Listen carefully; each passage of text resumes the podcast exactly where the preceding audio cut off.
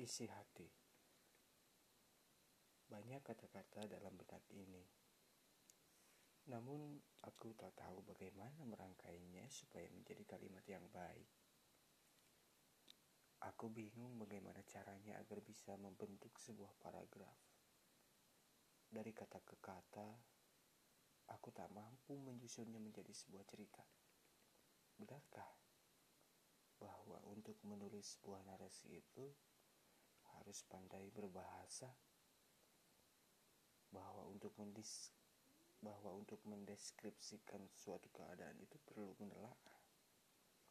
Memang segala sesuatu jika hanya berpaku pada teori tidak akan pernah terjadi sepertinya.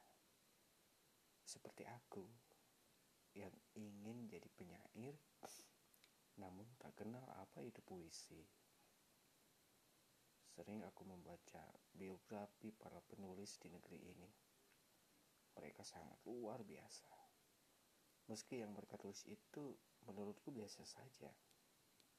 Namun daya tarik dan karisma sudah lebih dulu menyelinap pada diri mereka.